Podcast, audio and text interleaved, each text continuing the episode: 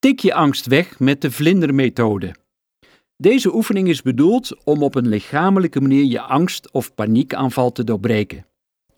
Deze methode kent vier stappen die rustig achter elkaar uitgevoerd moeten worden. De eerste stap.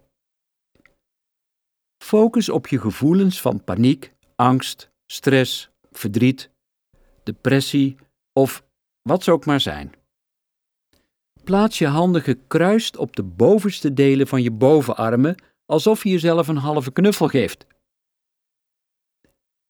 De tweede stap. Je mag nu met je vlakke hand zachtjes een paar keer tikken op je bovenarm. Dit doe je eerst op je linkerarm met je rechterhand en dan op je rechterarm met je linkerhand. Blijf dit doen en volg met je ogen ontspannen de hand die de tikbeweging maakt. Dus je aandacht is steeds gericht op de ene hand en daarna op de andere hand. En dan stap 3. Stel jezelf nu een situatie voor waarin jij je echt op je gemak voelt. Bijvoorbeeld in de natuur, of thuis of bij goede vrienden.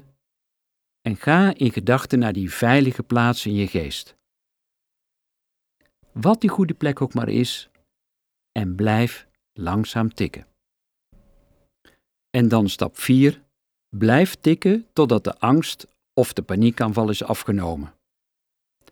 En als je nu weer denkt aan het angstige moment aan het begin van die aanval, zal je waarschijnlijk merken dat dit minder is geworden.